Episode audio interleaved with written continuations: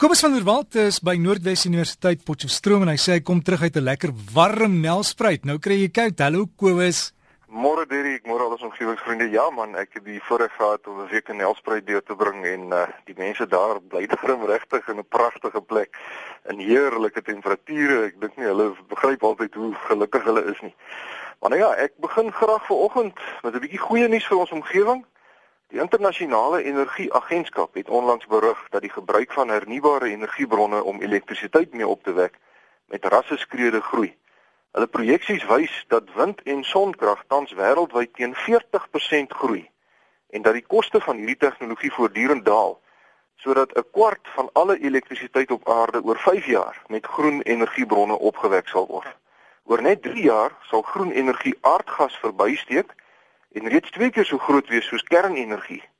En veral in China word groen energiebronne op 'n reuse skaal ontwikkel. En gelukkig bly ons in Suid-Afrika nie agter nie. Die verslag sê dat persentasiegewys Suid-Afrika teen die tweede vinnigste koers ter wêreld groei. Net Marokko wat teen 25% groei, is voor Suid-Afrika wat tans teen 20% per jaar groei. So kom ons hoop en vertrou dat hierdie uitstekende tendense gaan voortduur en selfs gaan versnel.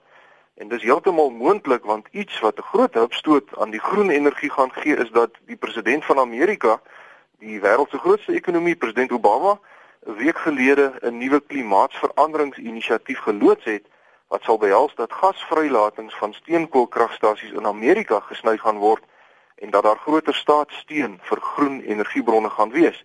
En dis uitstekende nuus vir ons omgewing want Amerika is een van die heel grootste sondebokke. Iets wat hiermee verband hou, En eintlik net die ander kant van dieselfde muntstuk is is natuurlik dat ons die elektrisiteit wat opgewek moet word effektief moet gebruik. En hieroor het ek ook goeie nuus vir oggend. Die Wêreldgroen Gebou Konferensie word van 16 tot 18 Oktober in Kaapstad aangebied.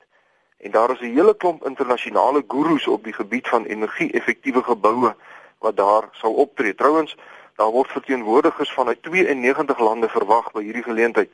En ek dink dat as iemand nou regtig die heel nuutste internasionale inligting wil hê oor groen geboue en groen geboutegnologie, dan is dit die plek waar u moet wees. Daar gaan ook talle uitstallings wees.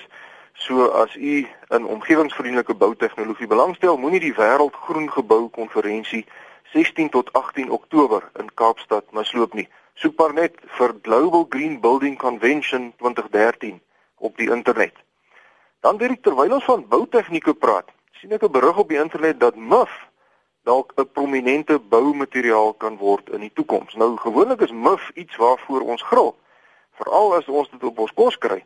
Maar 'n klein maatskappy in New York is besig om met muf te boer en dit te oes. En hulle omvorm dit as 'n organiese materiaal wat uitstekende isolerende eienskappe het.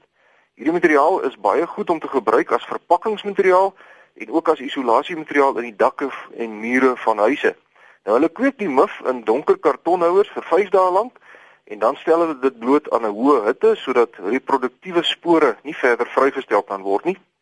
En die produk wat hulle dan oes is 'n superdigte skuimagtige massa wat nie net 'n goeie isolasiemateriaal is nie, maar ook 'n baie goeie gom sodat dit in verskeie toepassings gebruik kan word. Nou die voordeel van muf is dat dit onder die regte omstandighede verskriklik vinnig groei. Binne slegs 'n dag of twee kan die mufdrade letterlik verskeie kilometer lank groei. En hierdie eienskap maak dit natuurlik baie geskik vir grootskaalse produksie. En nog 'n voordeel is dat 'n mens die muf in houers met komplekse vorme kan laat groei sodat mense die materiaal nie eers hoef te vorm vir byvoorbeeld verpakkingsmateriaal nie. Die muf groei sommer van self in die korrekte vorm in. Nou hierdie maatskappy het 'n maand gelede die eerste huis wat met muf geïsoleer is bekend gestel en hulle voorsien dat hierdie materiaal mettertyd gebruik kan word in die konstruksie van meubels en selfs in motors. En hulle het reeds 'n vennootskap gesluit met die Sealed Air Corporation. Nou dit is die maatskappy wat die plastiek verpakkingsmateriaal wat vol lugborreltjies is, die goed wat ons as bubble wrap ken, uitgevind en vervaardig het. So hulle het groot planne met hulle MIF. En net so 'n kant aantekening, Hierdie MIF-ontwikkeling is 'n uitstekende illustrasie van 'n beginsel in omgewingsbestuur wat stel dat daar nie iets is soos 'n afvalstof nie. Ons mense is vreeslik geneig om iets wat vir ons lastig is, soos huishoudelike afval of in hierdie geval dan nou MIF, as 'n ongewenste materiaal te beskou waarvan ons net ontslaa moet raak. Maar die volhoubare beginsel is dat mens altyd na so iets moet kyk as 'n potensiële hulpbron waarvoor jy nou nog net nie 'n gebruik uitgedink het nie. Daar is nie iets soos 'n afvalstof in die natuur nie. Ek vra altyd vir my studente om aan 'n woud of aan 'n grasvlakte te dink en dan vra ek hulle waar die woud of die vlakte se afvalstortingsterrein is. En daar is natuurlik nou nie so iets in die natuur nie. Die een organisme se afval is die volgende organisme se hulpbron. En so is alles in 'n volmaakte siklus geskape sodat daar niks voor, uh, verlore gaan nie. En dit is ehm um, ons mense wat die konsep van afvalstowwe wat weggegooi moet word uitgedink het. En soos ek al voorheen gesê het, 'n mens kan niks weggooi nie. Jy gooi dit net daar waar jy dit nie meer kan sien nie, maar dis nie weg nie, dis steeds iewers en dit kan skade doen aan die omgewing wat jou oor 'n tyd lank self weer negatief kan beïnvloed. En hierdie inisiatief om iets wat die mens tot dusver nou as 'n lastigheid en 'n afvalstof beskou het, MIF, te sien as iets wat 'n nuttige funksie kan vervul, is presies die tipe denke wat ons nodig het op aarde. En dis natuurlik uit dieselfde denkpatroon waar die idee vandaan kom om afval te herwin of te hersirkuleer. En in hierdie verband het Dr. Kobus ter Blanche van Middelburg in Mpumalanga vir my 'n brief geskryf. Hy sê sy vrou is benewens haar passie vir herwinning van huishoudelike afval ook 'n bietjie aan die eksentrieke kant. Want hulle hele familie met kinders en skoonkinders en kleinkinders en al eet nou die aand 'n bietjie uit by 'n restaurant en mevrou ter Blanche vra toe vir die kelner om die bestuurder te sien. En sy vra toe uh, toe vir die kerel of hulle herwinning toepas in die restaurant. En die bestuurder weet toe duidelik nie waarvan sy praat nie en net daar en dan dring sy aan dat die bestuurder vir haar 'n sak bring sodat sy al die bottels en die houers wat hulle nou saam met hulle kos gekry het, huis toe kan neem om dit daar saam met haar gewone huishoudelike afval te herwin. Dr. Terblaan sê die klein kinders het hulle eers omtrent mors dood geskaam vir hulle ouma maar hulle het toe later met groot oorgawe die sakke ten aanskoue van die ander gaste in die restaurant uitgedra na hulle motor toe. Hy sê dit was hooplik 'n les vir die hele restaurant, die kinders en die ander restaurantgaste en hy stel dan voor dat die restaurante gerus kan begin om in hulle advertensies 'n aanduiding te plaas van hoe groen hulle is. Met ander woorde, op watter wyse probeer restaurante krag en water bespaar, hersirkuleer hulle hulle afval en dis meer. Dr. Terblaan sê dat hulle as gesin en familie definitief eerder by 'n groen restaurant sal gaan uit eet as by restaurante wat ongeërg omgaan met hulpbronne. Baie dankie dokter Terblanche van Middelburg vir u bydrae en baie geluk aan mevrou Terblanche wat by haar beginsel staan. Ons het heelwat meer sulke mense nodig in Suid-Afrika. En aan die Terblanche kleinkinders, wees trots op julle ouma en volg haar voorbeeld. En dan omgewingsvriende, 'n nuusbrokkie wat meneer PW de Jager van Centurion onder my aandag gebring het. En dit is dat daar in Indië 'n dorpie is wat 6 jaar gelede begin het om uh, hulle dis eintlik 'n pragtige omgewingssensitiewe tradisie. En dit is dat die dorpie elke keer as daar 'n dogtertjie gebore word, 111 bome aanplant in die distrik. In hierdie tradisioneel Indiese kultuur word seentjies hoër geag as dogtertjies, maar die inwoners van hierdie dorpie breek met die tradisie want hulle het besef dat dit nie volhoubaar is nie. Dis nou sommer Uh dit is nie 'n goeie gewoonte daai nie. En hulle het in die afgelope 6 jaar reeds 'n kwart miljoen bome aangeplant. Nou hoe lyk dit met ons hier in Suid-Afrika? Kan ons nie dalk hierdie mooi voorbeeld navolg nie? Ons heg nou weliswaar nie meer waarde aan seuns as aan dogters nie, maar ek dink dit is 'n baie goeie idee om elke keer as 'n baba gebore te word, 'n boom of twee aan te plant.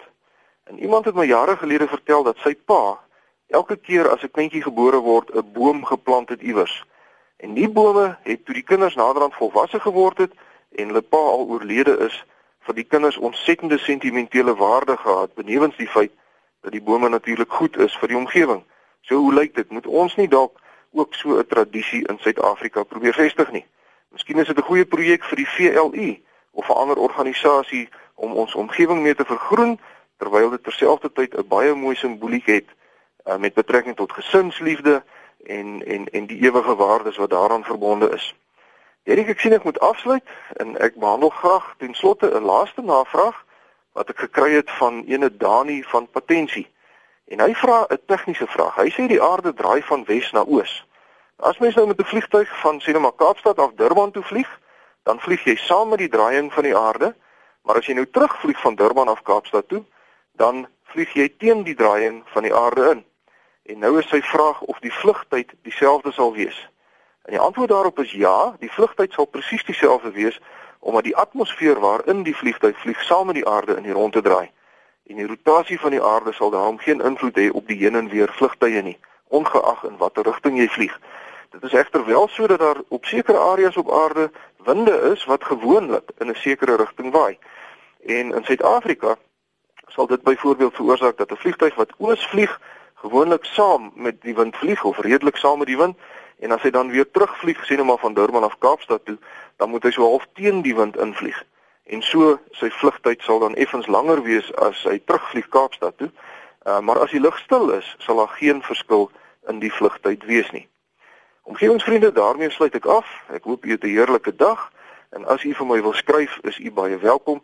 My rekenaaradres is kobus.vanderwalt@nwu.ac.za en ek is by die die fakulteit Natuurwetenskappe Noordwes Universiteit Potchefstroom 2520.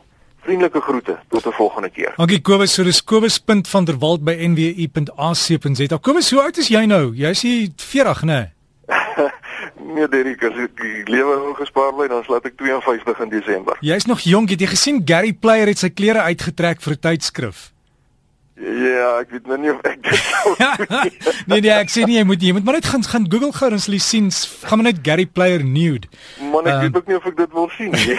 nee, weet jy, dis interessant. Hy sê hy doen hier by die 1200 uh sit-ups, jy weet die die die maagoefening elke oggend my wêreld. Ja nee, dan is dit nou iets om na te volg. Miskien ja. moet 'n mens maar gaan kyk hoe lyk oom Gary. Ja nee, hy lyk nie sleg nie. Nee, hy is darm niks leliks nie. Hy is in baie goeie smaak gedoen. Alles van die beste hoor. Dieselfde uh, Derek vir jou en ons omgewingsvriende. En so gesels Kobus van der Walt daar van Noordwes Universiteit en onthou dit sal 'n pot gooi in die komende week op rsg.co.za wees. Klik maar net op pot gooi.